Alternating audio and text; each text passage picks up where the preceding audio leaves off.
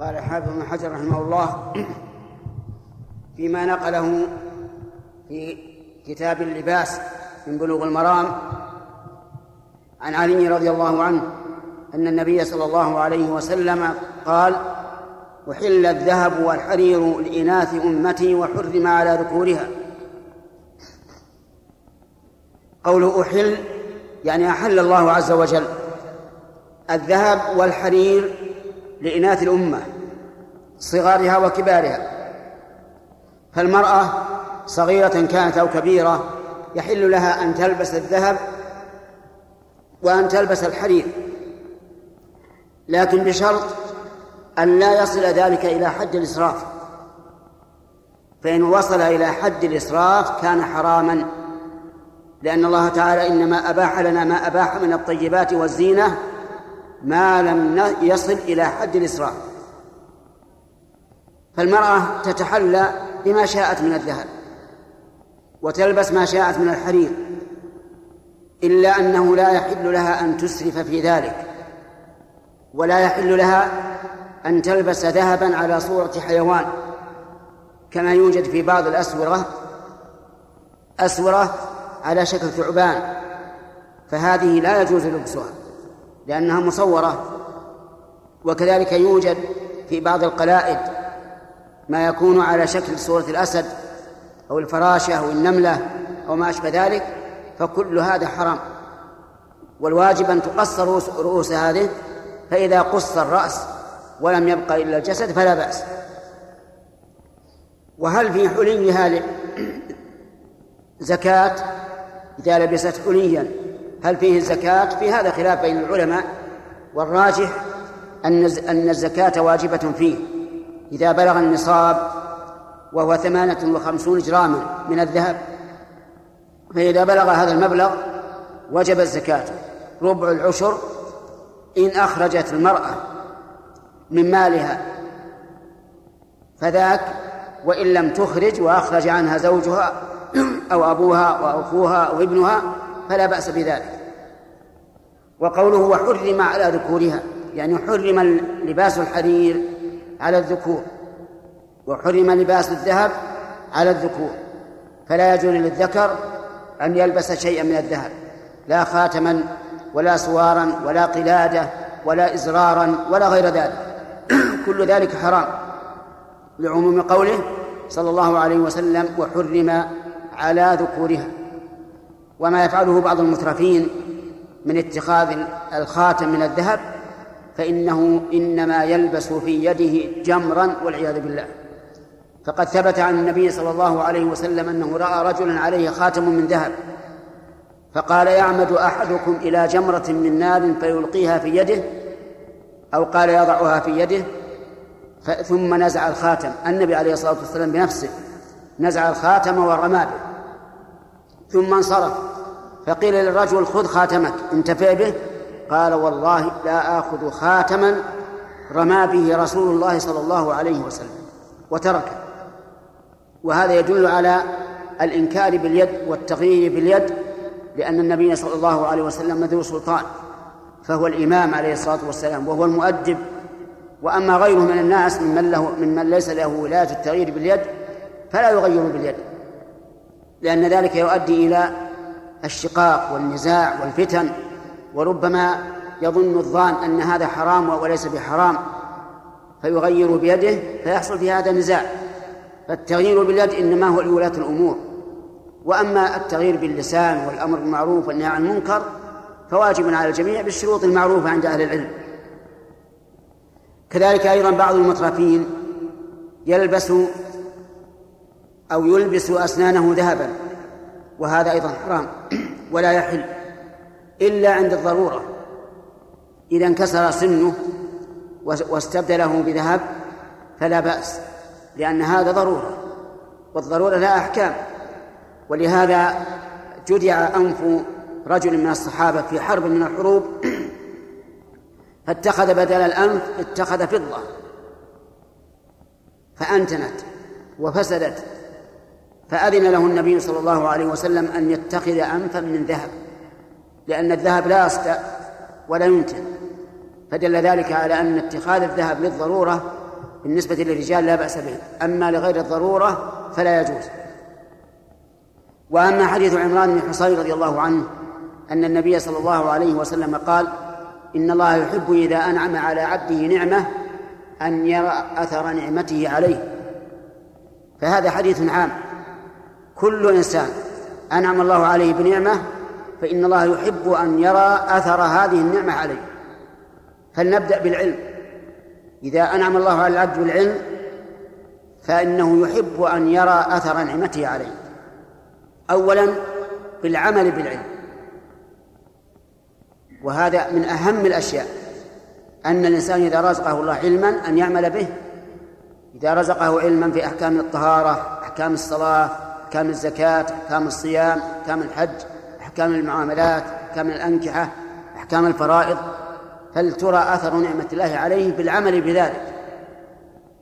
أما رجل أعطاه الله العلم وأن الصلاة مع الجماعة واجبة مثلا ثم صار يتخلف عن الجماعة فهذا لم يرى عليه أثر نعمة الله بالعلم. بل هذا علمه صار وبالا عليه والعياذ بالله. لأن النبي صلى الله عليه وسلم قال القرآن حجة لك أو عليك. ما في فاصلة ولا واسطة. إما لك إن عملت به أو عليك إن لم تعمل به. كذلك أيضا في المال. إذا أنعم الله على الإنسان بمال فإنه يحب أن يرى أثر نعمته عليه. وذلك ببذل المال فيما ينفعه في الدنيا والآخرة. صدق على فقير إعانة محتاج وما أشبه ذلك. وأول وأولى من ينفق عليه الأهل فإن النفقة على الأهل أفضل من النفقة على المساكين. لأن النفقة على الأهل واجبة والواجب أحب إلى الله من التطوع. ومن ذلك أن يرى أثر نعمته عليه في اللباس. وهذا هو الذي ساق الحديث ساق المؤلف الحديث من أجله. إذا أنعم الله عليه بنعمة فلترى أثر النعمة عليه. فليرى أثر النعمة عليه. باللباس الجميل اللائق به. أما أن يغنيه الله ثم يلبس لباس الفقراء فهذا لباس شهرة وهو منهي عنه.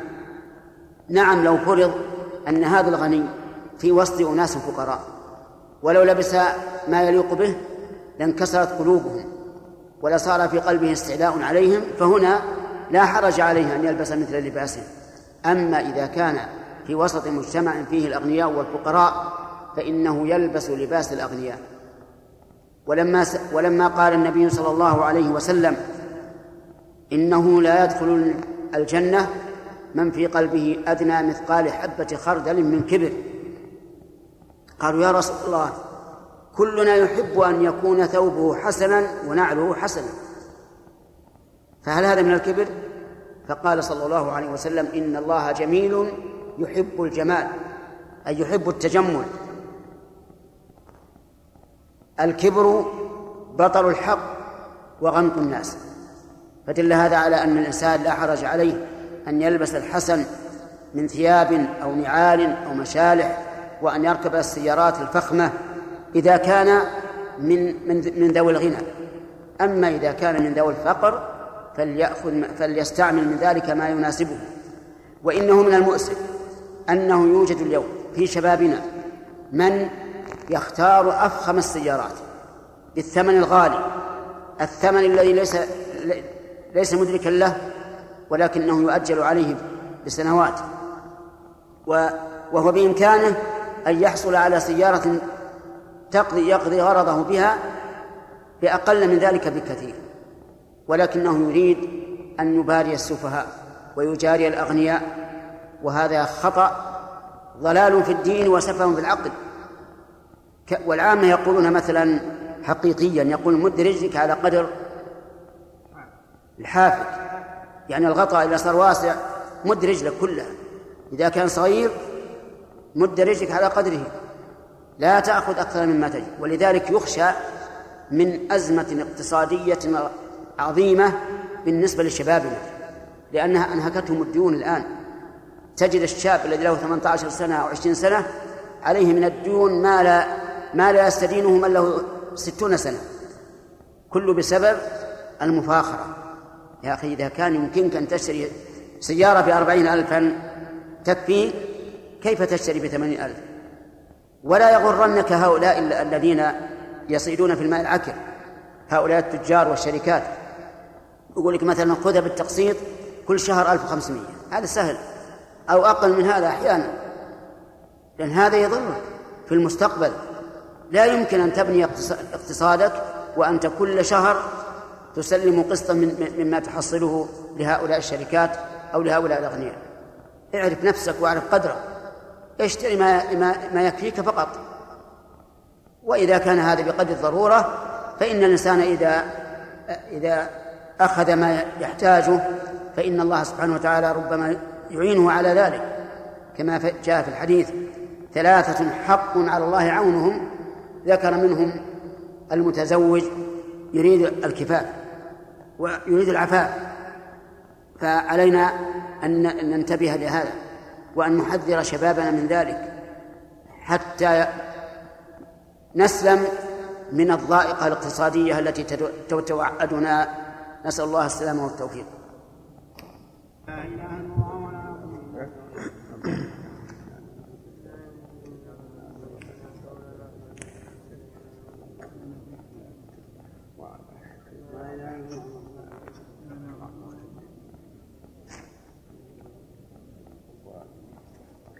بسم الله الرحمن الرحيم. الحمد لله رب العالمين والصلاة والسلام على نبينا محمد وعلى آله وصحبه أجمعين. قال رحمه الله تعالى كتاب الجنائز. عن أبي هريرة رضي الله عنه قال قال رسول الله صلى الله عليه وسلم أكثروا ذكر هادم اللذات الموت. رواه الترمذي والنسائي وصححه ابن حبان.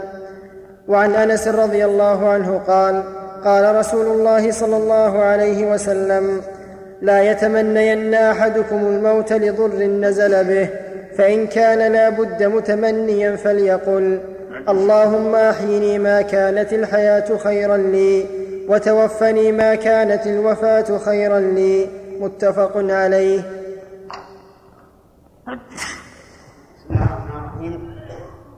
قال المؤلف رحمه الله تعالى في كتابه بلوغ المرام كتاب الجنائز. الجنائز جمع جنازة أو جنازة. قال بعض علماء اللغة الجنازة بالفتح الميت والجنازة بالكسر النعش عليه الميت. واعلم أن الإنسان له أربع أربع وجوه. الدار الأولى في بطن أمه والثانية في الحياة الدنيا والثالثة في البرزخ ما بين موته وقيام الساعة والرابعة الأخيرة الجنة أو النار. جعلنا الله وإياكم من أهل الجنة. كل إنسان كل حي لا بد أن يموت. قال الله تبارك وتعالى كل من عليها فان ويبقى وجه ربك ذو الجلال والإكرام. وقال الله تعالى كل نفس ذائقة الموت وإنما توفون أجوركم يوم القيامة فمن زحزح عن النار وأدخل الجنة فقد فاز. وقال الله تبارك وتعالى لرسوله صلى الله عليه وسلم وما جعلنا لبشر من قبلك الخلد. وهذا أمر لا يحتاج إلى إقامة دليل لأنه مشاهد. كلنا يشاهد غاديا إلى الله ورائحا. يشاهد ميتا في أول النهار وميتا في آخر النهار وميتا في الليل. كما قال عمر بن عبد العزيز رحمه الله إنكم تودعون كل يوم غاديا إلى الله ورائحا. والعجب من نفوسنا أننا نشاهد هؤلاء الناس يموتون ويذهبون وكأننا لم يكتب علينا الموت. نشاهدهم كانوا معنا على الأرض يأكلون ويشربون ويتمتعون ثم يكونون بين أيدينا جثثا هامدة. ونحن كذلك. ولكن كأن الموت يتعدانا إلى غيرنا وكأنه لن يتعدى غيرنا إلينا. وهذا من الغفلة. ولهذا جاء في حديث أبي هريرة أكثروا من ذكر هادم اللذات الموت. هادم أي قاطع. اللذات يعني لذات الدنيا الموت. وهذا الحديث ضعفه بعض أهل العلم. لكن على تقدير أنه حسن فالمراد بذلك أن تكثر من ذكر الموت لتستعد له. لا لتكدر صفوك في الدنيا وكدرك وتقول أنا آه، سأموت ما لماذا أعمل؟ ثم يضيق صدرك؟ لا. المراد إن صح الحديث أكثروا من ذكره أي من تذكره في نفوسكم من أجل أن تستعدوا له. هذا هو المراد. وهذا لا شك أنه ينبغي للإنسان أن يتذكر دائما أنه لن يخلد في الدنيا. ولن ولا يدري أيضا ماذا بقاؤه في الدنيا. قد يصبح صحيحا معافى ولا يمسي إلا في قبره أو بالعكس. لذلك يجب أن نستعد للموت بالتوبة النصوح والإنابة إلى الله والرجوع إلى طاعته من معصيته والقيام بما أمر به تبارك وتعالى لأنه ما أمرنا بشيء لحاجته إلينا ولكن والله لمصلحتنا ومنفعتنا ورحمته بنا وإلا فإن الله يقول إن تكفروا فإن الله غني عنكم. ويقول من كفر فإن الله غني عن العالمين. وفي الحديث القدسي يا عبادي لو أن أولكم وآخركم وإنسكم وجنكم كانوا على أفجر قلب رجل واحد منكم ما نقص ذلك من ملكي شيئا. لو كان الناس على أفجر قلب رجل ما نقص الله شيئا. ولا يهتم الله به. ولكن لمصلحتنا أمرنا بما ينفعنا. ونهانا عما يضرنا عز وجل. ورغبنا في الخير وحذرنا من الشر حتى نقوم بطاعته. أسأل الله أن يعينني وإياكم على ذكره وشكره وحسن عبادته. أما الحديث الآخر الذي ساقه المؤلف حديث أنس أن النبي صلى الله عليه وسلم قال لا يتمنين أحدكم الموت لضر نزل به. الإنسان لا شك أنه ليس في نعيم دائما في هذه الدنيا بل يكون يوما في نعيم ويوما في غم وهم.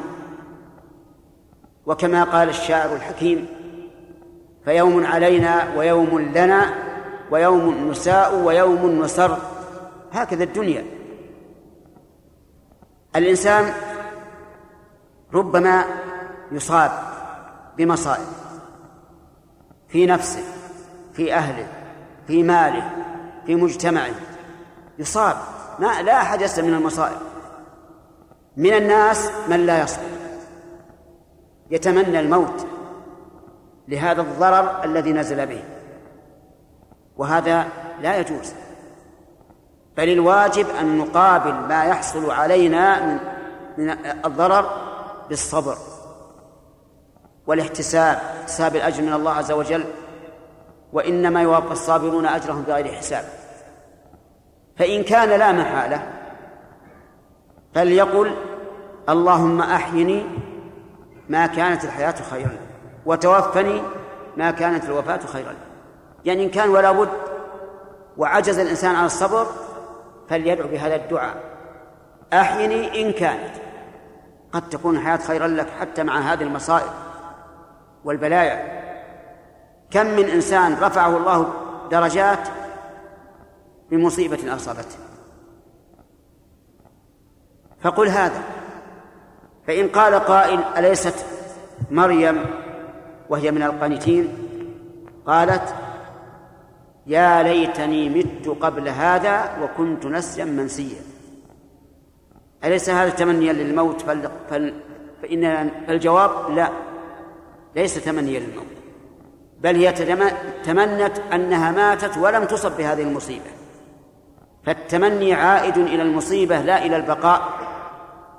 وفرق بين بين أن يتمنى الإنسان أنه لم يصب بهذه المصيبة وبين أن يتمنى الموت. بينهما فرق عظيم.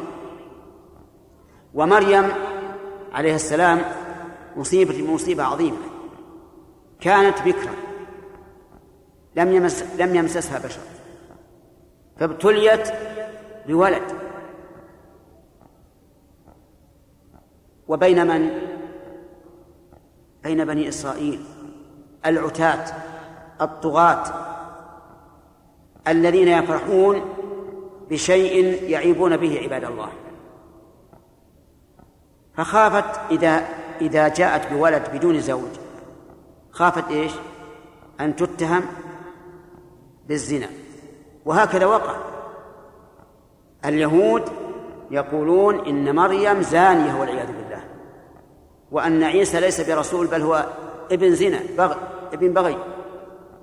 ولهذا قتلوه على حسب زعمهم وهم ما قتلوه وما صلبوه. فخافت من العار. لكن الله عز وجل أنجاها أنجاها بآية عجيبة. لما عرضوا لها بالزنا وقالوا له يا أخت هارون ما كان أبوك امرأ سوء وما كان وما كانت أمك بغية. منين جاء هذا؟ أمك ليست زانية ما هي بغي وأبوك ما هو بامرأ سوء. ولهذا قال بعض العلماء إن هذه الآية تشهد للحديث الضعيف أن من زنى زنى أهله. لأنهم قالوا ما كان أبوك امرأ سوء لو كان أبوك امرأ سوء يزني لزنيت. أو كانت أمك بغية لزنيت لكنهما طاهران. فمن أين هذا؟ ما كان أبوك امرأ سوء وما كانت أمك بغية ما أجابته؟ ما أجابته؟ ماذا ماذا صنعت؟ عجيب. أشارت إليه. تقول اسألوا هذا. قالوا كيف نكلم من كان في المهد صبيا؟ والذي في المهد ما يتكلم. فأجاب بكلام عجيب بليغ. قال إني عبد الله. آتاني الكتاب وجعلني نبيا وجعلني مباركا أينما كنت وأوصاني بالصلاة والزكاة ما دمت حيا وبرا بوالدتي ولم يجعلني جبارا شقيا والسلام علي يوم ولدت ويوم أموت ويوم أبعث حيا. كلام طويل منسق في غاية ما يكون من الإجابة.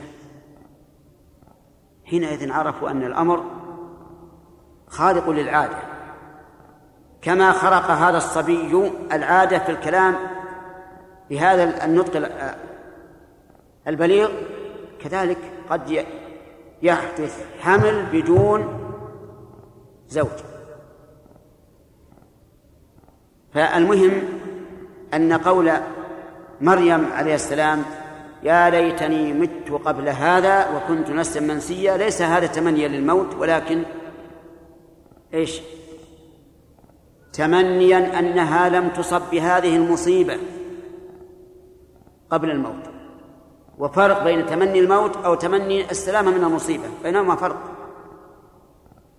لكن قال بعض العلماء إذا حصل فتنة في الدين فلا بأس أن يتمنى الإنسان الموت. لقول النبي صلى الله عليه وسلم إن أردت بعبادك فتنة فاقبضني إليك غير مفتون. ولكن هذا ليس بصحيح. يعني ليس هذا القول بصحيح ولا الاستدلال بالحديث بصحيح. لأن قول الرسول عليه الصلاة والسلام اقبضني إليك غير مفتون ينصب على قوله غير مفتون. وليس ينصب على تعجل الموت بل إن أردت بعبادك فتنة فسلمني منها حتى أموت. ولهذا لا ينبغي للإنسان أن يتمنى الموت مطلقا. لا في فتنة في الدين ولا في فتنة في الدنيا ولكن يسأل الله السلامة. والله الموفق ولا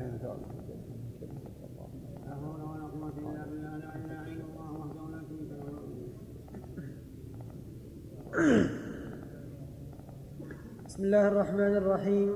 الحمد لله رب العالمين والصلاة والسلام على نبينا محمد وعلى آله وصحبه أجمعين. نقل المؤلف رحمه الله تعالى في سياق الأحاديث في كتاب الجنائز عن بريدة رضي الله عنه أن النبي صلى الله عليه وسلم قال المؤمن يموت بعرق الجبين رواه الثلاثة وصححه ابن حبان. وعن أبي سعيد وأبي هريرة رضي الله عنهما قالا قال رسول الله صلى الله عليه وسلم لقنوا موتاكم لا إله إلا الله رواه مسلم والأربعة. وعن معقل بن يسار أن النبي صلى الله عليه وسلم قال اقرأوا على موتاكم ياسين رواه أبو داود والنسائي وصححه ابن حبان.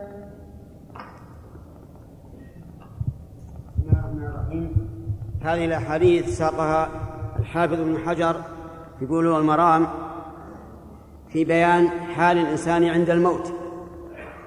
ولا شك أن الإنسان عند الموت يكون في أحرج ساعة من حياته لأنها هي الحد الفاصل بين السعادة والشقاوة. فمن ختم له بخير في هذه اللحظة الرهيبة فهو من أهل الخير جعلني الله وإياكم منهم.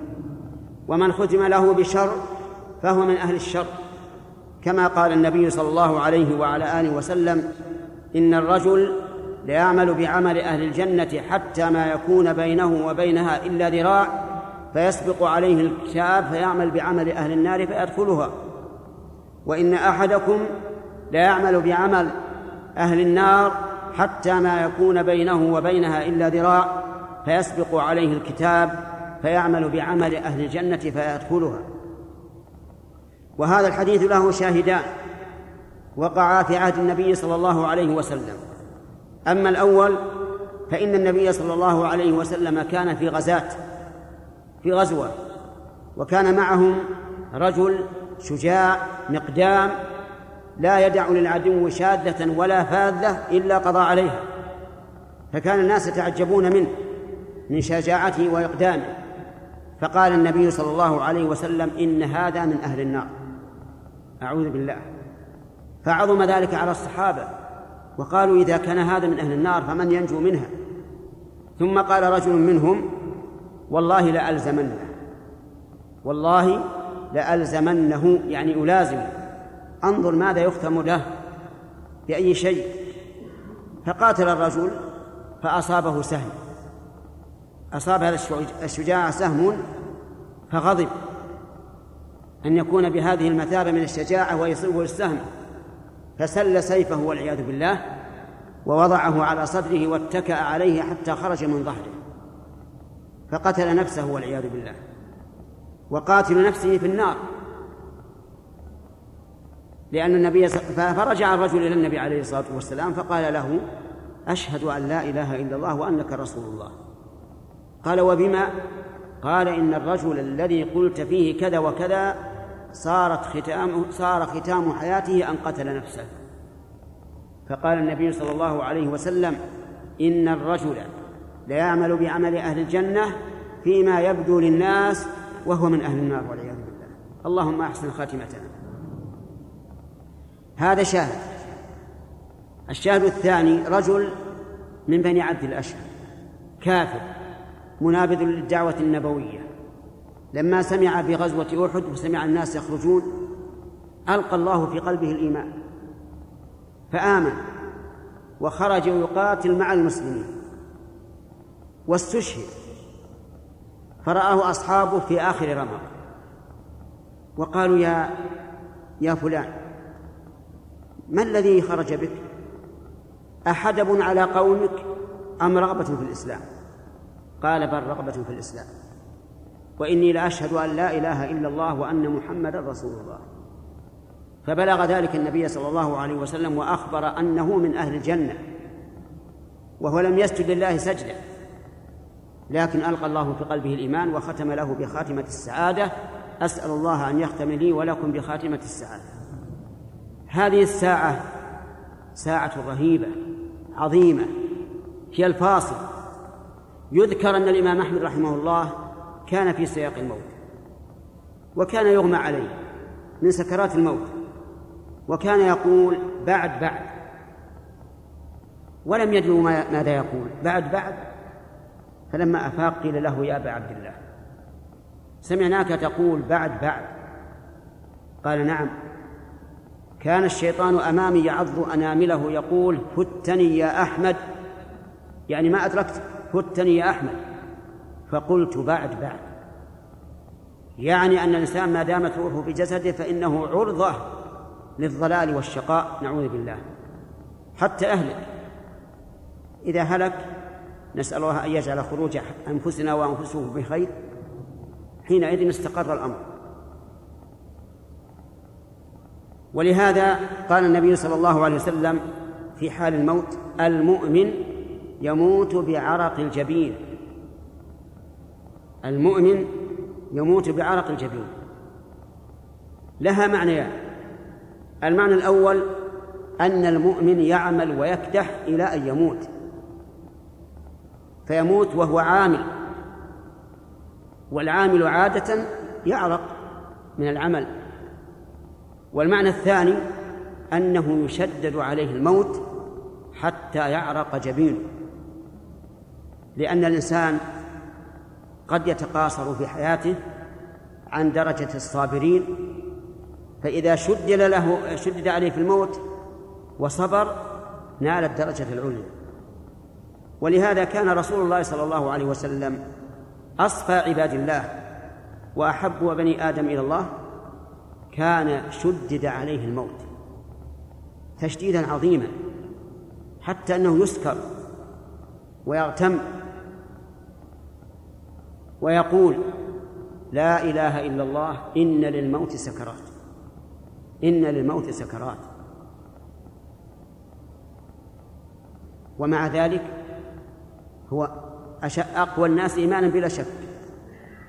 فالمؤمن يشدد عليه الموت حتى يعرق جبينه من شدة الموت. فلا تقل إذا شدد الموت على أخيك أو أبيك أو ابنك إن هذا دين على الشقاء بل قد يكون دليلا على الإيمان لأن المؤمن يموت بعرق الجبين ومما ينبغي حال الموت أن يلقن الميت المحتضر لا إله إلا الله. يلقن لا إله إلا الله خصوصا إذا رأيت أنه يريد أن يتكلم ولكن يعجز لقنه قل لا إله إلا الله. حتى إذا ختم له بها كان من أهل الجنة. من كان آخر كلامه من الدنيا لا إله إلا الله دخل الجنة. ولكن هل يأمره؟ يقول قل لا إله إلا الله أو يذكر الله عنده فقط حتى يسمع. هذا ينبني على حال الإنسان عند الموت. بعض الناس عند الموت يرزقه الله تعالى طمأنينة ولا سيما إذا بشر بالجنة فإنه يطمئن ويفرح ويسر. كما قال الله تبارك وتعالى تتنزل عليهم الملائكة إن الذين قالوا ربنا الله ثم استقاموا تتنزل عليهم الملائكة ينزلون واحدا بعد واحد تقول لهم لا تخافوا ولا تحزنوا وأبشروا بالجنة التي كنتم توعدون. بشرونهم بالجنة قبل أن تخرج أرواحهم من أجسادهم. نحن أولياؤكم في الحياة الدنيا وفي الآخرة. ولكم فيها ما تشتهي أنفسكم ولكم فيها ما تدعون. نزلا من غفور رحيم. حينئذ تستبشر النفس وتخرج من بدنها الذي ألفته مدة الحياة تخرج سهلة منقادة كأنما تسل الشعرة من العجين من سهولة الموت عليها مع مشقته. المهم أنه إذا كان الإنسان في حال طمأنينة فلا بأس أن تقول يا فلان قل لا إله إلا الله. أما إذا رأيته ضيق الصدر. وخفت إن قلت قل لا إله إلا الله أن تأخذه العزة بالإثم فيقول لا. فهذا خطر عظيم. هذا يكفي أن تقول عنده لا إله إلا الله حتى يسمع. وقد حضر النبي صلى الله عليه وعلى آله وسلم وفاة عمه أبي طالب الذي كان يدافع عن النبي عليه الصلاة والسلام. ويصدق الرسول عليه الصلاة والسلام. ويقول في قصيدته اللامية المشهورة لقد علموا أن ابننا لا مكذب لدينا ولا يعنى بقول الأباطل. ويقول ولقد علمت بأن دين محمد من خير أديان البرية دينا. وله مقاماته الشهيرة في الدفاع عن رسول الله صلى الله عليه وسلم. لما حضرت الوفاة كان عنده الرسول عليه الصلاة والسلام وعنده رجلان من قريش. فقال له يا عم قل لا إله إلا الله كلمة نحاج لك بها عند الله. فإذا هم أن يقولها وإذا بجانبه جلساء السوء قال له أترغب عن ملة عبد المطلب؟ فكان آخر ما قال إن أنه على ملة عبد المطلب. وأبى أن يقول لا إله إلا الله فمات على الكفر. فهنا قال له الرسول قل لأنه إن قالها فهو كسر وإن لم يقلها فهو كافر من الأصل. لكنه أبى أن يقولها فمات فكان من أهل النار ولكن من أجل غنائه في الإسلام ودفاعه عن النبي صلى الله عليه وسلم أذن الله جل وعلا لرسوله أن يشفع له ولم يأذن له أن للنبي عليه الصلاة والسلام أن يشفع لكافر أبدا إلا هذا. أذن الله له أن يشفع له فكان في ضحضاح من نار. عليه نعلان يغلي منهما دماغه والعياذ بالله. وهو أهون أهل النار عذابا ويرى أنه أشدهم عذابا. لأنه لو رأى أنه أهونهم تسلى بذلك وهان عليه الأمر لكن يرى أنه أشدهم عذابا أما أمه أم الرسول عليه الصلاة والسلام فإن الرسول صلى الله عليه وسلم استأذن من الله عز وجل أن يستغفر لأمه فأبى الله عليه أن يستغفر له. أمه أم الرسول عليه الصلاة والسلام. استأذن من الله أن يستغفر لها؟ قال لا. قال يا ربي أزور قبره. فأذن الله له. لكنه زار القبر ولم يستغفر لها زار القبر وجعل يبكي عليه الصلاة والسلام. وأبكى الصحابة الذين معه. لكن لماذا لم يأذن الله أن يستغفر لأمه؟ لأنها ماتت على إيش؟ على الكفر. والله عز وجل لا يحابي أحدا. إن أكرمكم عند الله أتقاكم. فلم يأذن له. لأن الله قال ما كان للنبي والذين آمنوا أن يستغفروا للمشركين ولو كانوا أولي قربى من بعد ما تبين لهم أنهم أصحاب الجحيم. هذه أم الرسول. والسائل من الله أن يستغفر لها الرسول. وأبى الله عليه. وبعد الظهر اليوم اتصل بي في الهاتف من يقول إن بعض الناس يدعو بالرحمة لديانة أو ديان ما أدري وش. امرأة من الإنجليز ماتت. يقول يدعو له بالرحمة ويبكي. فنقول هذا حرام. وهو نوع من ولاية الكفار. ومن يتولهم منكم فإنه منهم. إن الله لا يهدي القوم الظالمين. ولا يحل لأحد أن يدعو لها بالرحمة. أبدا. ومن فعل ذلك فهو آثم. خارج عن سنة الرسول صلى الله عليه وسلم والمؤمنين. ما كان للنبي والذين آمنوا أن يستغفروا للمشركين ولو كانوا أولي قربى. من بعد ما تبين لهم أنهم أصحاب الجحيم. وهذه امرأة ماتت على الكفر. عشيقها الذي معها مسلم في الديانة والله أعلم بما في قلبه. لكنه جهز بالأمس وصلي عليه في المسجد صلاة الجنازة صلاة المسلمين لكن هذه ما صلي عليه. هذه أدخلت في الكنيسة وصلوا عليها صلاتهم التي يعرفونها وهي عند الله مردودة غير مقبولة. فالمهم يا إخواني يعني طالب الحديث خرج بنا عن نعم عن الموضوع لكن لعل فيه خيرا إن شاء الله. إن المشرك لا يجوز لأحد أن يدعو له بالرحمة أبدا. فإن قال قائل وهل يجوز أن يدعو له بالنار واللعنة؟ نقول لا. لا تدعو له بالنار ولا باللعنة. هو من أهل النار سواء دعوت أو لم تدعو. ولهذا قال النبي صلى الله عليه وسلم لا تسبوا الأموات وهذا عام. فإنهم أفضوا إلى ما قدموا. لعنتك إن كانوا من أهل الخير لا تضرهم وإن كانوا من أهل الشر فهي حقت عليهم بدونك فلا حاجة لهذا ولا لهذا.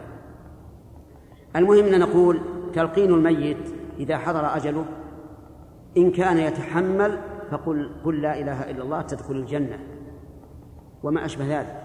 وإن كان لا يتحمل عرفت أن رجل في ضيق صدر عظيم فاذكر الله عنده لعله يتذكر.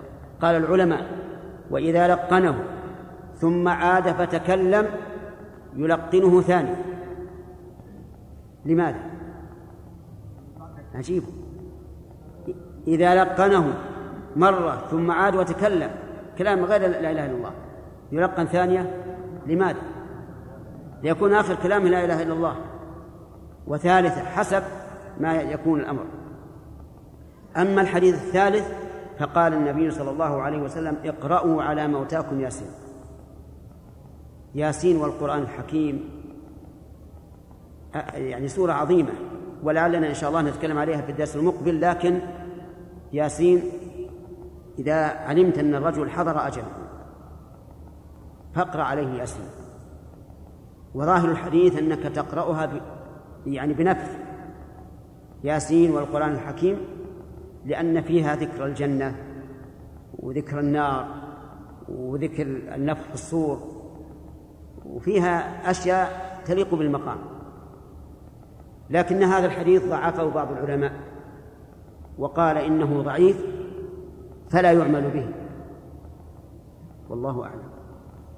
المؤلف رحمه الله تعالى في سياق الأحاديث في كتاب الجنائز عن أم سلمة رضي الله عنها قالت دخل رسول الله صلى الله عليه وسلم على أبي سلمة وقد شق بصره وقد شق بصره فأغمضه ثم قال إن الروح إذا قبض اتبعه البصر فضج ناس من أهله فقال لا تدعوا على أنفسكم إلا بخير فإن الملائكة تؤمن على ما تقولون ثم قال اللهم اغفر لأبي سلمة وارفع درجته في المهديين وافسح له في قبره ونور له فيه واخلفه في عقبه. رواه مسلم.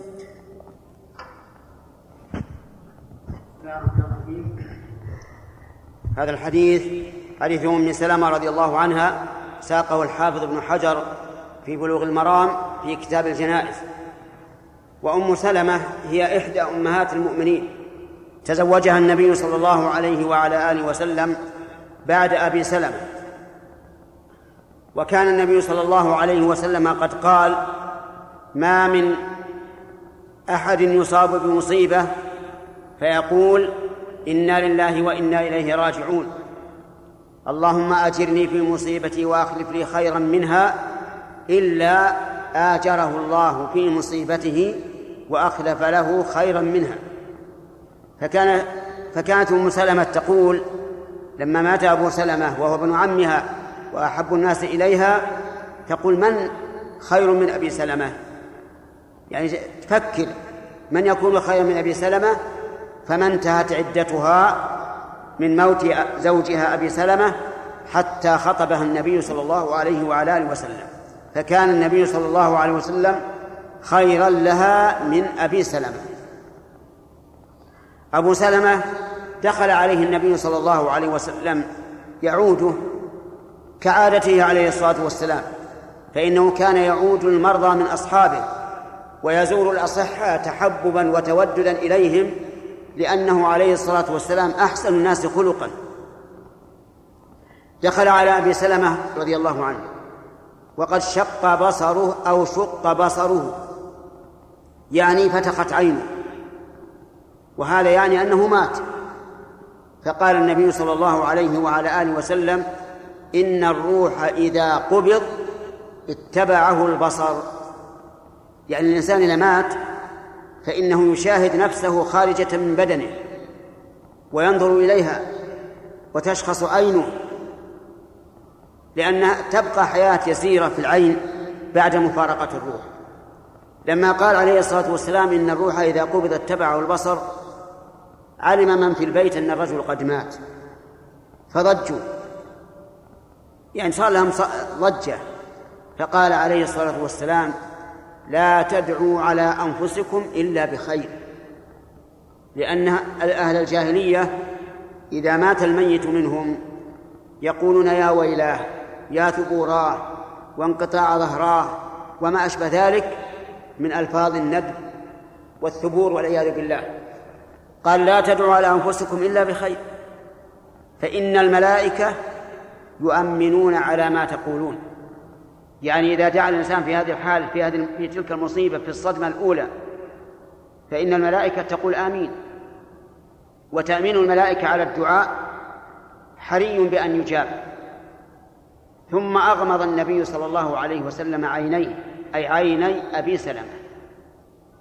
فيؤخذ من هذا أنه يسن لمن حضر الميت وشخص بصر الميت أن يغمض عينيه ما دام حارا لأنه إذا برد تصلبت الأعضاء وتصلب الجلد وبقي شاخص البصر فأغمضه.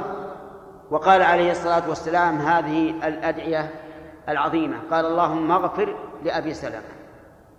دعا له بالمغفرة. ودعاء النبي صلى الله عليه وسلم حري بالإجابة. اللهم اغفر لأبي سلمة. وارفع درجته في المهديين. يعني ارفع درجته في الجنة في جملة المهديين من الأنبياء من النبيين والصديقين والشهداء والصالحين. وافسح له في قبره أي وسع قبره. لأن القبر ضيق من الناحية الحسية إذ هو حفرة بقدر بدن الميت لكنه يوسع للإنسان المؤمن وسع الله قبورنا وقبوركم. وافسح له في قبره يعني وسع. ونور له فيه لأن القبر من الناحية الحسية مظلم. ما في فرجة على الفضاء. مظلم لكن الله تعالى ينوره بالعمل الصالح. وافسح له في قبره ونور له فيه واخلفه في عقبه. يعني كن خليفة له في عقبه زوجته وذريته.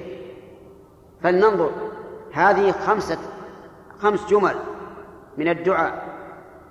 الأولى اللهم اغفر لأبي سلمة. والثانية ارفع درجته في المهديين. والثالثة افسح له في قبره. والرابعة نور له فيه والخامسة اخلفه في عقبه. الذي في الدنيا علمنا به فإن الله تعالى خلفه في عقبه. لأنه خل لأن أبا سلمة خلفه في عقبه أفضل البشر وسيدهم محمد صلى الله عليه وسلم. فإن النبي صلى الله عليه وسلم تزوج أم سلمة وصار أولاد أبي سلمة في حجر النبي عليه الصلاة والسلام. وهذا من أعظم ما يكون خليفة أن يكون خليفة الرجل في أهله رسول الله صلى الله عليه وعلى آله وسلم. أما الأربع الأخرى فهي عند الله عز وجل. لا نعلم لكننا نرى أن رسول الله صلى الله عليه وعلى آله وسلم أحرى الناس بإجابة دعائه فنسأل الله تعالى أن يغفر لأبي سلمة. وأن يرفع درجته في المهديين وأن ينور له في قبره وأن يفسح له فيه إنه على كل شيء قدير. يؤخذ من هذا الحديث أنه ينبغي لمن حضر الميت أن يغمض عينيه وأن يدعو له بمثل هذا الدعاء. خمس جمل. يقول اللهم اغفر لفلان وارفع درجته في المهديين وافسح له في قبره ونور له فيه واخلفه في عقبه. والله موفق.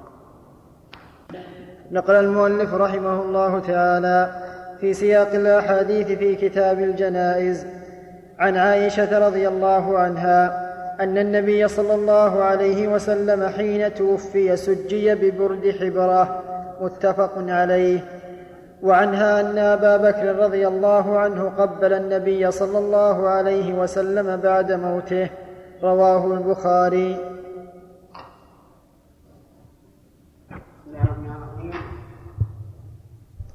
هذان حديثان ذكرهما المؤلف بن حجر رحمه الله في كتاب البلوغ في كتاب الجنائز. عن عائشة رضي الله عنها أن النبي صلى الله عليه وسلم حين توفي سجي ببردة حبرة. يعني سجي بثوب أي غطي وهذا يدل على أنه ينبغي إذا مات الإنسان قبل أن يجهز تغسيله أن يغطى بثوب لا يكون ثقيلا ولا خفيفا. يواري وجهه يغطي وجهه حتى يستعدوا لتجهيز الماء لتغسيله وغير ذلك. لأن النبي صلى الله عليه وسلم فعل به هكذا. وهذا يدل على أن هذا كان من عادتهم و وإذا كان من عادتهم على عهد النبي صلى الله عليه وسلم صار سنة. أما الحديث الثاني ففيه جواز تقبيل الميت بعد موته. لأن أبا بكر رضي الله عنه فعل هذا بالنبي صلى الله عليه وعلى آله وسلم. وذلك أن النبي صلى الله عليه وسلم مرض مرض موته صلوات الله وسلامه عليه نحو اثني عشر يوما. وفي ذلك اليوم الذي مات فيه كان أحسن ما يكون وأطيب ما يكون. فخرج أبو بكر رضي الله عنه إلى بستان له. يقال له السنح خارج المدينة لأنه رأى النبي صلى الله عليه وسلم طيبا ولكنه ما ارتفع النهار حتى قبض النبي صلى الله عليه وعلى آله وسلم. ومات وماج الناس واضطربوا وحصل شيء عظيم. قال أنس رضي الله عنه قدم النبي صلى الله عليه وسلم المدينة فأضاء لها فأضاء له كل شيء. ولما مات أظلم منها كل شيء. اضطرب الناس وأرسلوا إلى إلى أبي بكر وأخبروه. وكان بلا شك أعظم الناس مصيبة بفقد الرسول صلى الله عليه وسلم. لأن أبا بكر هو أخص أصحابه به وهو أحب الناس إليه رضي الله عنه. فجاء مطمئنا مترسلا حتى دخل على النبي صلى الله عليه وسلم وهو مغطى بهذه البردة فكشف عن وجهه وقال له بأبي أنت وأمي طبت حيا وميتا يعني أنت طيب في الحياة وبعد الممات. ثم قبله رضي الله عنه وغطاه وخرج إلى الناس وهم في المسجد قد ضاقت بهم الأرض. وكان فيهم أمير المؤمنين عمر رضي الله عنه. يقول إن النبي صلى الله عليه وسلم لم يمت وإنه وإنما صعق ولا يبعثنه الله فلا يقطعن أيدي رجال وأرجلهم من خلاف. نسوا الآيات الواردة في هذا من شدة ما وقع بهم من الأسى والحزن فجاء أبو بكر رضي الله عنه وصعد المنبر وقال كلمته المشهورة التي جدير أن تكتب بماء الذهب. قال أما بعد. وقبل أن يصعد المنبر قال له يا أيها الرجل يقول لعمر على رسلك يعني خفف ولا تتكلف هذه الكلفة. ثم صعد المنبر فحمد الله وأثنى عليه. وقال هذه الكلمة اسمع لها. أما بعد فيا أيها الناس من كان يعبد محمدا فإن محمدا قد مات. ومن كان يعبد الله فإن الله حي لا يموت. رضي الله عنه. كلمات عظيمة في هذا الموقف العظيم في هذا الحزن في هذه الشدة ثم تلا قوله تعالى وما محمد إلا رسول قد خلت من قبله الرسل أفإن مت أفإن مات أو قتل انقلبتم على أعقابكم وقرأ إنك ميت وإنهم ميتون. قال عمر فوالله ما قرأها حتى عقرت فما تقلني فما تقلني رجلاي أثرت به المصيبة وعلم أنه حق. ثم خرج الناس من المسجد يتلون هذه الآيات. إنك ميت وإنهم ميتون. وما محمد إلا رسول قد خلت من قبله الرسل. ثم بقي النبي عليه الصلاة والسلام في بيته أو وجعل الناس يصلون عليه. أرسالا رجالا ونساء بدون إمام. لأنهم كرهوا أن يؤمهم أحد بين يدي رسول الله صلى الله عليه وسلم. وبقوا على هذا بقي على هذا حتى تمت البيعة لأبي بكر الصديق رضي الله عنه. ودفنوه ليلة الأربعاء وهو قد مات يوم الاثنين. وإنما أخروا موته دفنه لئلا تبقى أمة محمد بلا إمام ولا سلطان. حتى اتفق رأيهم على أبي بكر رضي الله عنه فبايعوه بالخلافة وحينئذ دفنوا النبي صلى الله عليه وعلى آله وسلم. الشاهد من هذا أن أبا بكر رضي الله عنه حين دخل على النبي صلى الله عليه وسلم وهو مغطى كشف عن وجهه وقبله فدل هذا على أنه يجوز تقبيل الميت بعد موته. والله موفق. نقل المؤلف رحمه الله تعالى في سياق الأحاديث في كتاب الجنائز.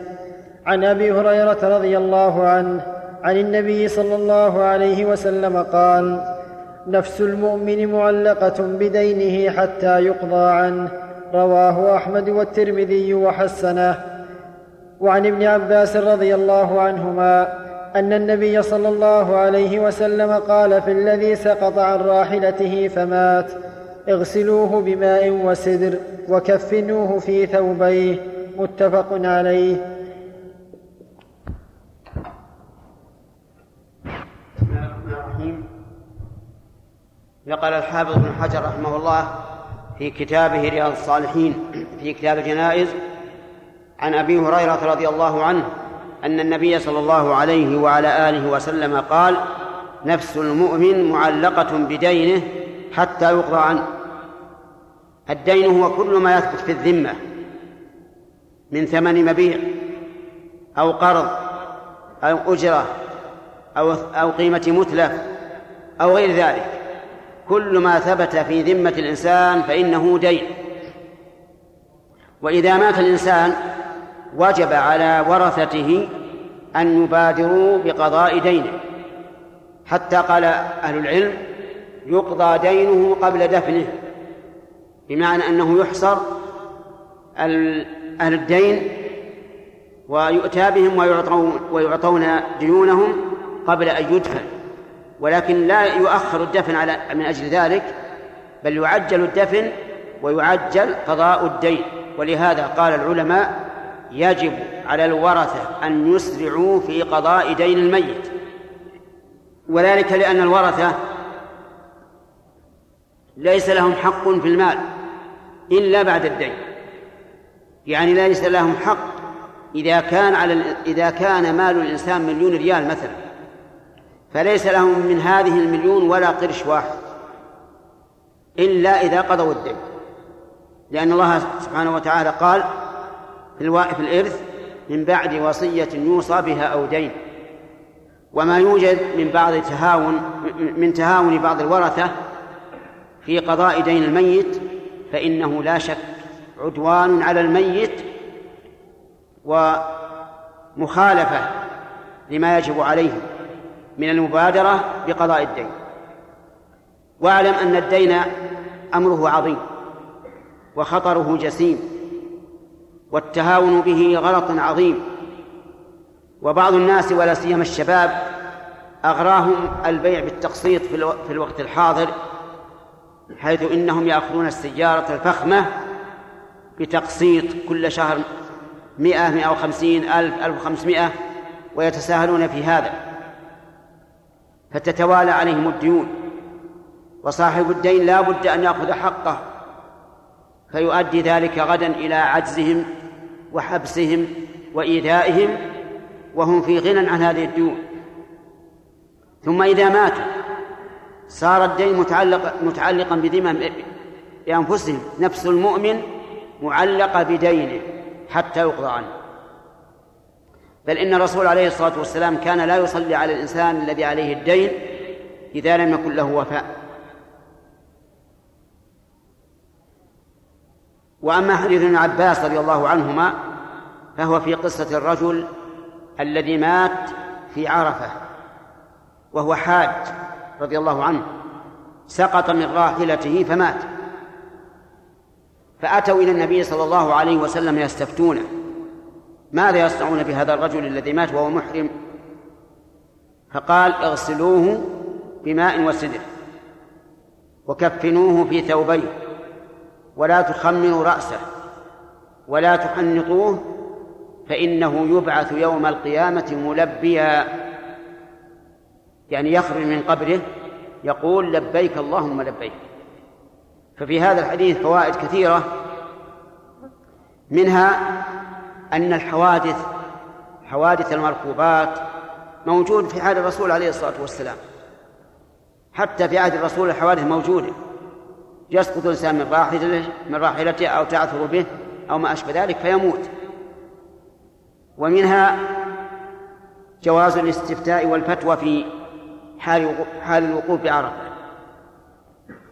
ومنها أن الميت إذا مات وهو محرم فإنه يغسل بماء وسدر الماء ظاهر والسدر هو عبارة عن أوراق السدر اليابسة تدق ثم توضع في في قدر ويصب عليه الماء ثم تضرب باليد خبط باليد حتى يرغي السدر ويكون له رغوة فتؤخذ الرغوة فيغسل بها رأس الميت ولحيته ويوصل بالماء والثفل ما بقي من بدنه. ففي هذا دليل على أن تغسيل الميت فرض لكنه فرض كفاية لقوله اغسلوه بماء وسدر. ومنها أن الماء المتغير بالشيء الطاهر يبقى على طهوريته. وهو دليل على أن تقسيم الماء إلى ثلاثة أقسام طهور وطاهر ونجس تقسيم لا أصل له ولا دليل له. والصواب أن الماء ينقسم إلى قسمين فقط هما الطهور والنجس فقط. وأما الطاهر فلا وجود له في الشريعة. وفيه أيضا أن الميت إذا مات لا يكفن بكفن جديد. بل يكفن بإزاره وردائه. لأنه مات وهو عليه فيكفن بهما. وما قد يفعل الآن من كونهم يخلعون ثياب الإحرام عن الميت ويكفنونه بثياب أخرى غلط. بل يكفن في نفس الإحرام. لأنه سوف يبعث يوم القيامة ملبيا. ومثله الشهيد إذا قتل في سبيل الله وعليه ثياب فإن ثيابه لا تنزع. يكفن في ثيابه لكن الشهيد لا يغسل ولا يصلى عليه ولكن الميت في حال الحج يغسل ويصلى عليه. ومن فوائد هذا الحديث أنه لا يجوز أن يغطى رأس المحرم لقوله لا تخمر رأسه يعني لا تغطون. وهذا إذا كان رجلا أما إذا كانت امرأة فرأسها يغطى. ومنها أن المحرم لا يجوز أن يتلبس بالطيب لقوله ولا تحنطوه والحنوط هو أطياب تخلط ويطيب بها الميت. ومنها أن الميت إذا مات وهو محرم فإنه لا يكمل عنه النسك. خلافا لما قاله بعض العلماء أنه إذا مات يقضى عنه ما بقي فإن هذا قول لا دليل عليه. بل الدليل على خلاف أن الميت إذا مات لا يقضى عنه ما بقي ونحن إذا إذا قضينا عنه ما بقي أسأنا إليه إساءة كبيرة لأننا إذا قضينا عنه ما بقي تحلل التحلل الأول والثاني فلا يبعث يوم القيامة ملبيا إذ أنه لا يبعث ملبيا إلا إذا مات محرما. ومن فوائد هذا الحديث أيضا أنه يجب على من أشكل عليه شيء أن يسأل العلماء وأن لا يتبع رأيه لأن بعض الناس نسأل الله العافية يتبع رأيه يقول لعله كذا لعله كذا. لا إذا أشكل عليك شيء لابد أن تسأل أهل العلم لأن الله أمرك بهذا بقوله فاسألوا أهل الذكر إن كنتم لا تعلمون.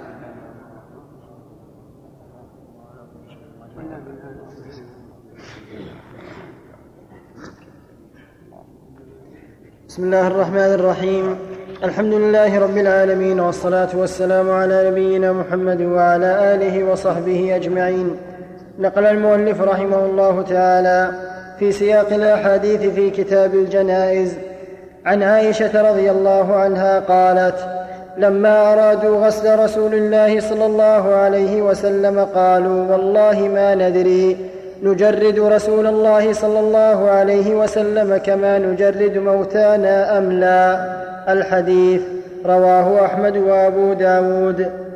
وعن أم عطية رضي الله عنها قالت دخل علينا النبي صلى الله عليه وسلم ونحن نغسل ابنته فقال اغسلنها ثلاثا أو خمسا أو أكثر من ذلك إن رأيتن ذلك بماء وسدر. واجعلن في الأخيرة كافورا أو شيئا من كافور. فلما فرغنا آذناه فألقى إلينا حقوه فقال أشعرنها إياه متفق عليه. وفي رواية ابدأن بميامنها ومواضع الوضوء منها. وفي لفظ للبخاري فضفرنا شعرها ثلاثة قرون فألقيناها خلفها. هذه هذان الحديثان من الأحاديث التي ساقها ابن حجر رحمه الله في كتابه بلوغ المرام في كتاب الجنائز. الأول عن عائشة رضي الله عنها. أن النبي صلى الله عليه وسلم لما توفي سبق أنهم سجوه يعني غطوه عليه الصلاة والسلام ببرد حبره في ثيابه. ولما أرادوا أن يغسلوه أشكل عليه فقالوا أنجرد رسول الله صلى الله عليه وعلى آله وسلم كما نجرد موتانا. يعني هل نخلع ثيابه ونغسله كما نخلع ثياب الأموات أم نحترمه عليه الصلاة والسلام ونغسله في قميصه؟ لكن الله هداهم فغسلوه في قميصه ولم يجرد النبي صلى الله عليه وسلم. فعلم من هذا الحديث أن من عادة الصحابة رضي الله عنهم في عهد نبيهم محمد صلى الله عليه وعلى آله وسلم أنهم إذا أرادوا أن يغسلوا الميت خلعوا ثيابه. لكن قال العلماء يجب أن يكون على عورته ثوب يعني يغطى بشيء يستره العورة المغلظة كالقبل والدبر لابد أن يكون عليها شيء يسترها فإذا فإذا أردنا أن نغسل ميتا. وضعنا هذه الخرقة ولففناها على عورته المغلظة على قبله ودبره وخلعنا ثيابه. ثم غسلناه.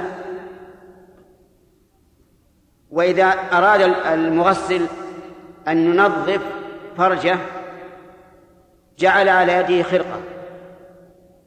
على يد المغسل خرقة ودلك بها فرجه الذكر والدبر من وراء الستارة لئلا ينظر إلى عورته لأنه لأن العورة عورة مغلظة. ثم بعد ذلك يغسله كما في حديث أم عطية رضي الله عنها. أم عطية امرأة من الأنصار تغسل النساء في عهد النبي صلى الله عليه وسلم. لما ماتت ابنة النبي صلى الله عليه وسلم زينب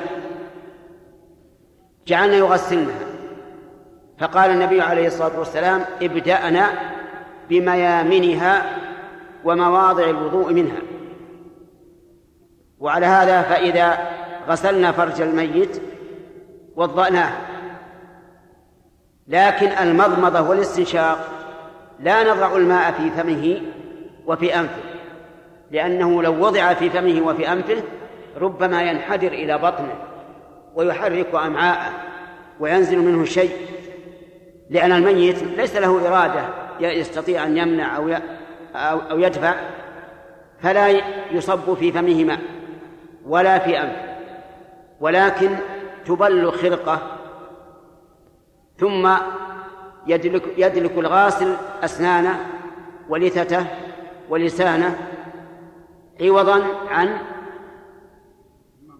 عن المضمضة الاستنشاق أيضا يبل خرقة وينظف بها منخرين ولا يدخل الماء فيها لأنه كما قلت لكم إذا دخل الماء إلى جوفه ربما ينحدر إلى أسفل ويخرج من أمعائه ثم بعد ذلك يغسل وجهه ثم يديه إلى المرفقين من الأصابع إلى المرفقين ثم رأسه يمسح. ثم رجلي يمسح أو يغسل. والغسل هنا أولى لأنه كالغسل من الجنابة. فيغسل الرأس ثم رجليه. ثم بعد ذلك يفيض الماء على بقية البدن. ولكن هذا الماء هل يكفي مرة أو لا بد من مرتين أو ثلاث؟ نقول المرة واحدة تكفي. لكن الأفضل أن ينظف الجسم تماما. فإذا لم ينظف تماما بالمرة الأولى غسل ثانية وثالثة ورابعة وخامسة وسادسة وسابعة وثامنة وتاسعة وعاشرة حتى ينقى تماما. ولهذا قال عليه الصلاة والسلام للنساء اللاتي يغسلن ابنته اغسلنها اغسلنها ثلاثا أو خمسا أو سبعا كما في رواية في البخاري أو أكثر من ذلك إن رأيتن ذلك. يعني إن كان الأمر يلزم اغسلنها حتى تنظف وتطهر تماما. قال اغسلنها بماء وسدر. السدر قال العلماء يخلط بالماء. يعني يدق تدق أوراق السدر وتوضع في الماء. ثم يضرب الماء باليد يعني يرج باليد. حتى يكون لها رغوة. الرغوة هذه يغسل بها الرأس. والبقية التي تتبقى بالماء وهي التي تستقر على الإناء في, في الإناء يغسل بها بقية البدن لأن ذلك أنظف. قال ويجعل في الغسلة الأخيرة كافور.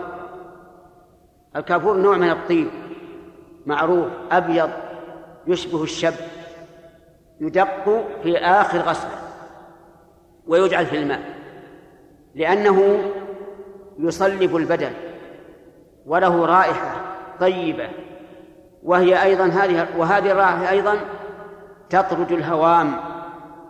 إذا وضع في القبر وكان في القبر هوام نمل أو غيره فإن هذه الرائحة تطرده. قال عليه الصلاة والسلام وجعلنا في الغسلة الأخيرة كافورا أو قال شيئا من كافور.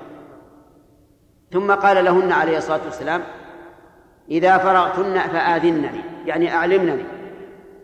هن فعلن كما أمر الرسول عليه الصلاة والسلام. بدأنا بما يمينها ومواضع الوضوء منها ف وتقول أم عطية ظفرنا شعرها ثلاثة قرون وألقيناها خلفه. يعني شعر الرأس جدلنه حتى صار ثلاث قرون وجعل وألقيناها خلفه. فدل هذا على أنه ينبغي أن تظفر أيضا شعر المرأة. ثلاث ثلاثة قرون. ما يخلي الشعر هكذا بدون أن يفتل. يفتل ثلاث فتايل ويجعل من وراء المرأة. كما فعلت كما فعلت أم عطية رضي الله عنها. فلما فرغنا من غسل بنت النبي صلى الله عليه وعلى آله وسلم ورضي الله عنها أخبرنا النبي عليه الصلاة والسلام فأعطاهن حقوة يعني إزارة الذي يلي جسده وقال أشعرنها إياه يعني آه، لفوه عليها مباشرة. وذلك تبركا بحقوه صلوات الله وسلامه عليه. فدل هذا على أن الذي يلي غسل المرأة امرأة. ولا يغ... ولا ي... ولا يلي غسل المرأة رجل أبدا. حتى لو كان أباها أو ابنها أو أخاها أو عمها أو خالها أو غيرهم من محارمها لا يغسلها إلا الزوج. فإن الزوج يغسل امرأته وهي تغسله. لقوله تعالى والذين هم لفروجهم حافظون إلا على أزواجهم أو ما ملكت أيمانهم. إلا أن العلماء رحمهم الله قالوا إن من دون سبع سنين يعني الطفل إذا مات وله دون السبع فإنه يجوز أن تغسله المرأة وإن كان ذكرا أو يغسله الرجل وإن كانت أنثى. وأما ما فوق السبع فلا يغسل المرأة إلا امرأة ولا الرجل ولا الرجل إلا رجل إلا الزوجين فيغسل كل واحد منهما الآخر. ولكن إذا لم يكن هناك رجل وماتت امرأة ولنفرض أن امرأة ماتت مع قوم في البر وليس معهم امرأة فإنها لا تغسل بل تيمم يعني يضرب الرجل يديه في التراب ويمسح بهما وجه المرأة وكفيها. وقيل إذا كان معها رجال من المحارم فلا بأس لكن بدون مس وبدون كشف للبدن فيصب عليها الماء صبا ويعم جميع البدن ويكتفى بذلك. لكن المشهور عند الفقهاء رحمهم الله أن الرجل لا يغسل المرأة ولو كان من محارمها والمرأة لا تغسل الرجل ولو كان من. ولو كانت من محارمه إلا الزوجين الزوجين فيغسل أحدهما الآخر وفي هذا الحديث دليل على أن الميت يغسل ويكرر غسله حسب الحاجة فالميت إذا مات وهو في حال صحة جيدة كما لو مات بحادث أو بغتة وهو ممن يتنظف ويراعي نظافته هذا ربما يكفي فيه غسلة واحدة أو أو لكن إذا كان رجلا كثير الوسخ كالعامل مثلا أو كان مريضا طال مرضه فهذا يكثر عليه الماء ويكرر عليه إلى أن ينظف جسمه تماما. وفي هذا ومن فوائد هذا الحديث أن المرأة يظفر شعرها ثلاثة قرون ويجعل من ورائها كما فعلت النساء في بنت النبي صلى الله عليه وعلى آله وسلم. وفيه دليل على أن الرجل لا يحضر تغسيل ابنته ولو كان أباه لأن النبي صلى الله عليه وسلم لم يحضر تغسيل ابنته بل ذهب عنهن وقال إذا فارقتن فأخبريني فآذنني وفيه دليل على رأفة النبي صلى الله عليه وسلم بأولاده حيث كفنها بإزاره عليه الصلاة والسلام. وفيه أيضا دليل على التبرك بثياب النبي صلى الله عليه وسلم. وقد كان الصحابة يتبركون بعرقه وبفضل وضوئه وبفضل وضوئه ويتبركون بثيابه ويتبركون بكل ما يتصل به صلوات الله وسلامه عليه. أما غير النبي فلا يتبرك به. يعني لو يأتي إنسان من أعلم الناس وأعبد الناس وأتقى الناس وأحسن الناس فلا يجوز أن يتبرك بثيابه. ولا عرقه ولا ريقه ولا التمسح به ولا غير ذلك. التبرك بهذه الأمور خاص بالنبي صلى الله عليه وعلى آله وسلم فقط. والله الموفق بسم الله الرحمن الرحيم. الحمد لله رب العالمين والصلاة والسلام على نبينا محمد وعلى آله وصحبه أجمعين. نقل المؤلف رحمه الله تعالى في سياق الأحاديث في كتاب الجنائز عن عائشة رضي الله عنها قالت كفن رسول الله صلى الله عليه وسلم في ثلاثة أثواب بيض سحولية من كرسف ليس فيها قميص ولا عمامة متفق عليه. وعن ابن عمر رضي الله عنهما قال لما توفي عبد الله بن أبي جاء ابنه إلى رسول الله صلى لما توفي عبد الله بن أبي جاء ابنه إلى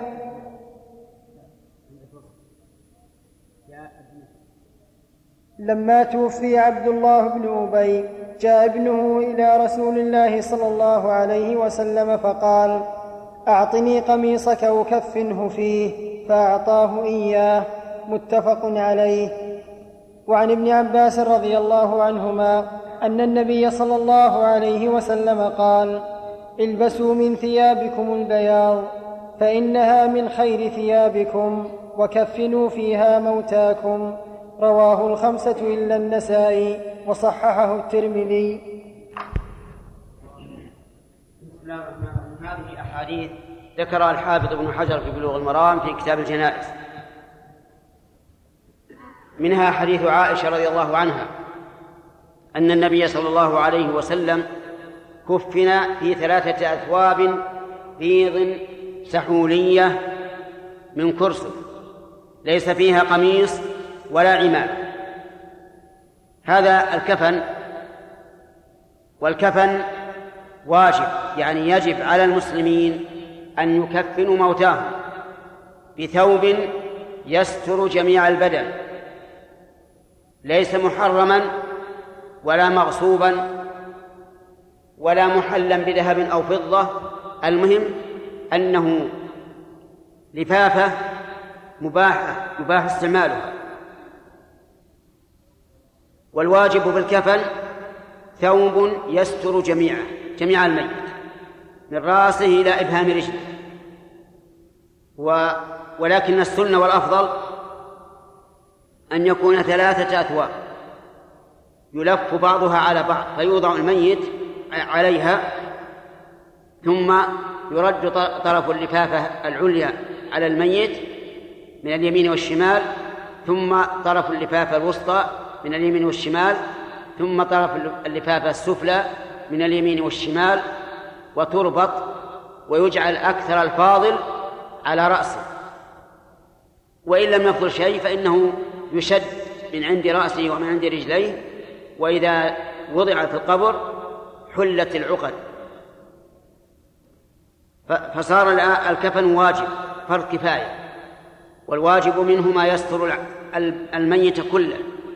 والأفضل أن يكون بثلاث لفائف كما فعل برسول الله صلى الله عليه وسلم. وقولها رضي الله عنها بيض فيه دليل على أن الأفضل أن يكفن الميت بالأبيض سواء كان رجلا أم امرأة. وفي قولها من كرسف أي من قطن. وهذا ليس بواجب. يعني لو كفن بثياب بلفائف من الصوف فلا بأس به.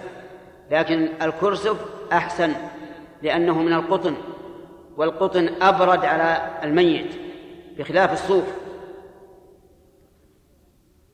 وفي قولها ليس فيها قميص ولا عمامة دليل على أنه لا يسن أن يوضع مع الكفن قميص ولا عمامة. يعني لا عمامة تشهد على الرأس ولا قميص له أكمام وإنما هي لفائف يلف بعضها على بعض كما بينا. وظاهر السنة أنه لا فرق بين الرجل والمرأة وأن المرأة تكفن بثلاثة بثلاث لفائف كالرجل. وأما ما روي عن أن المرأة تكفن بإزار وخمار وقميص ولفافتين فهذا ضعيف. وعلى هذا فلا فرق بين الرجال والنساء. الكفن واحد. الواجب ثوب واحد يستر جميع الميت والأفضل ثلاثة أثواب كما سمعتم. ثم ذكر حديث ابن عباس رضي الله عنهما أن عبد الله بن أبي ابن عبد الله بن أبي. لما مات أبوه عبد الله بن أبي طلب من النبي صلى الله عليه وسلم قميصه ليكفن أباه به فأعطاه النبي صلى الله عليه وسلم ذلك. عبد الله بن أبي الأب وليس الإب وليس الإبن هذا رأس المنافقين وهو أكبر المنافق المنافقين. وأشدهم إيذاء لرسول الله صلى الله عليه وعلى آله وسلم. والمنافقون كما نقرأ في كتاب الله في الدرك الأسفل من النار ولن تجد لهم نصيرا. ولا ينفعه قميص الرسول عليه الصلاة والسلام ولا دعاء الرسول إن دعا له ولا صلاته إن صلى عليه.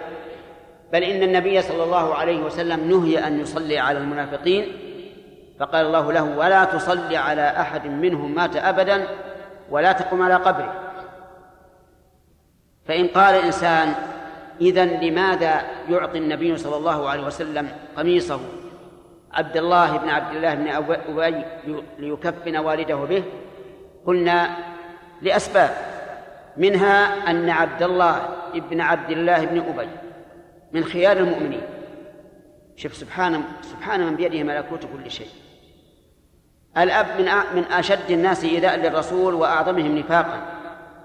والابن من خيار الصحابة رضي الله عنهم.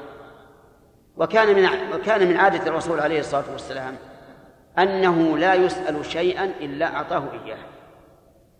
فسأله هذا الرجل الصحابي الذي هو من أحسن الصحابة وخيارهم سأله قميصه أن يكفن به أباه فأعطاه إياه. والنبي عليه الصلاة والسلام يعلم أن هذا لا ينفع أباه فإذا ليس فيه إحسان إلى الأب لأن الأب لن ينتفع بذلك ولكن فيه إحسان إلى من؟ إلى من؟ إلى الابن جبرا لخاطره وإجابة لطلبه وقيل أيضا إن عبد الله بن أبي المنافق لما استشهد حمزة بن عبد المطلب وكان رضي الله عنه أعني حمزة كان رجلا ضخما فلم يجدوا شيئا يكفنوه به ويستروه كله إلا ثوب عبد الله بن أبي فأراد فأراد النبي صلى الله عليه وسلم أن يكافئه. لكن هذا ليس بصحيح. بل الصحيح ما ما ذكرناه أن هذا أن هذا القميص لن ينفع عبد الله بن أبي لأنه منافق. وأن الرسول عليه الصلاة والسلام أجاب ابنه لأنه من خيار المؤمنين. وكان عليه الصلاة والسلام لا يرد سائلا سأله لحسن خلقه وكرمه صلوات الله وسلامه عليه. لكن في هذا الحديث دليل على أنه يجوز أن يكون القمي... أن يكون الكفن قميصا. ولا ولا بأس به. وفيه أيضا دليل على التبرك بلباس الرسول عليه الصلاة والسلام أي بما يمس بدنه من قميص أو إزار أو غير ذلك وسبق أن الرسول عليه الصلاة والسلام أعطى مغسلات ابنه ابنته أعطاهن حقوه وقال أشعرنها إياه. أما الحديث الأخير أن الرسول عليه الصلاة والسلام أمر بلباس البياض وأن يكفن فيها الموتى وقال إنها من خير ثيابكم. فذلك لأن الأبيض جميل ناصع نور مضيء فكان أفضل من غيره. فإذا تيسر لك ألا تلبس إلا الأبيض فهذا هو الأفضل. ولكن لا بأس أن تلبس غيره فقد كان النبي عليه الصلاة والسلام يلبس العمامة السوداء وكان صلى الله عليه وسلم يلبس آه، الحلة الحمراء المعلمة بأحمر ولا بأس به البس ما تيسر لكن إذا صار عندك شيء أبيض وشيء غير أبيض فالأبيض أفضل. والله موفق.